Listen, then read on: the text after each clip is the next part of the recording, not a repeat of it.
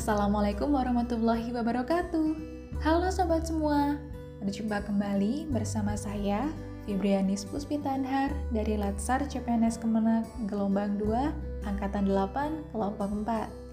Pada learning journal saya hari ini, saya akan berbagi mengenai pengalaman saya selama mengikuti agenda 3 sebelumnya dengan mata pelatihan manajemen ASN, pelayanan publik, dan whole of government di bawah bimbingan Ibu Kurota Ayun yang dilaksanakan selama tiga hari.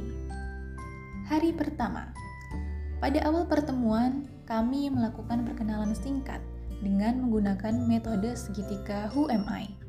Setelah perkenalan, sesi dilanjutkan dengan pemaparan materi mengenai pentahapan pembangunan RPJN 2005 hingga 2025 yang berkaitan dengan bagaimana evolusi manajemen ASN di dalam rentang waktu tersebut.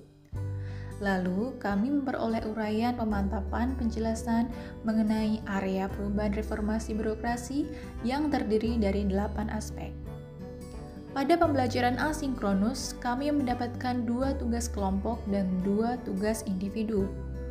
Tugas individu kami adalah membuat learning journal dan menulis analisis isu terkait dengan pelayanan publik, manajemen ASN, dan whole of government.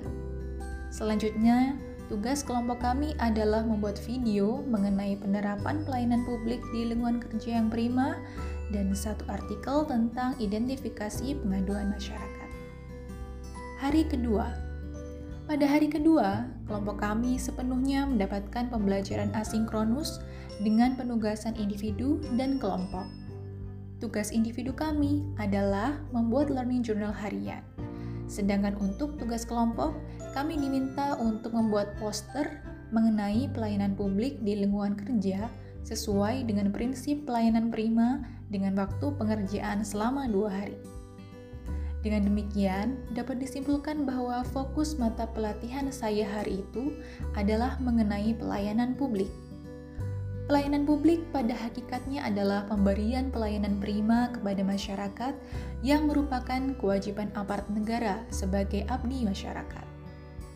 Pelayanan prima sendiri terdiri dari lima prinsip, yaitu 1.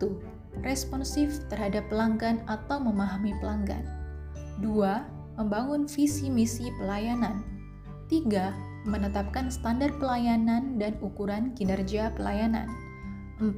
Pemberian pelatihan dan pengembangan pegawai terkait bagaimana memberikan pelayanan yang baik. Dan 5. Memberikan apresiasi kepada pegawai. Hari ketiga, pada sesi sinkronus, pertama-tama kami mereview materi mengenai 8 area perubahan reformasi birokrasi kami diberikan pemaparan mengenai manajemen ASN meliputi jenis pegawai ASN, sistem meritokrasi, dan karakter-karakter yang harus dimiliki seorang ASN. Setelah itu dilanjutkan dengan materi pelayanan publik mengenai prinsip-prinsip pelayanan prima dan unsur-unsur penting pelayanan publik.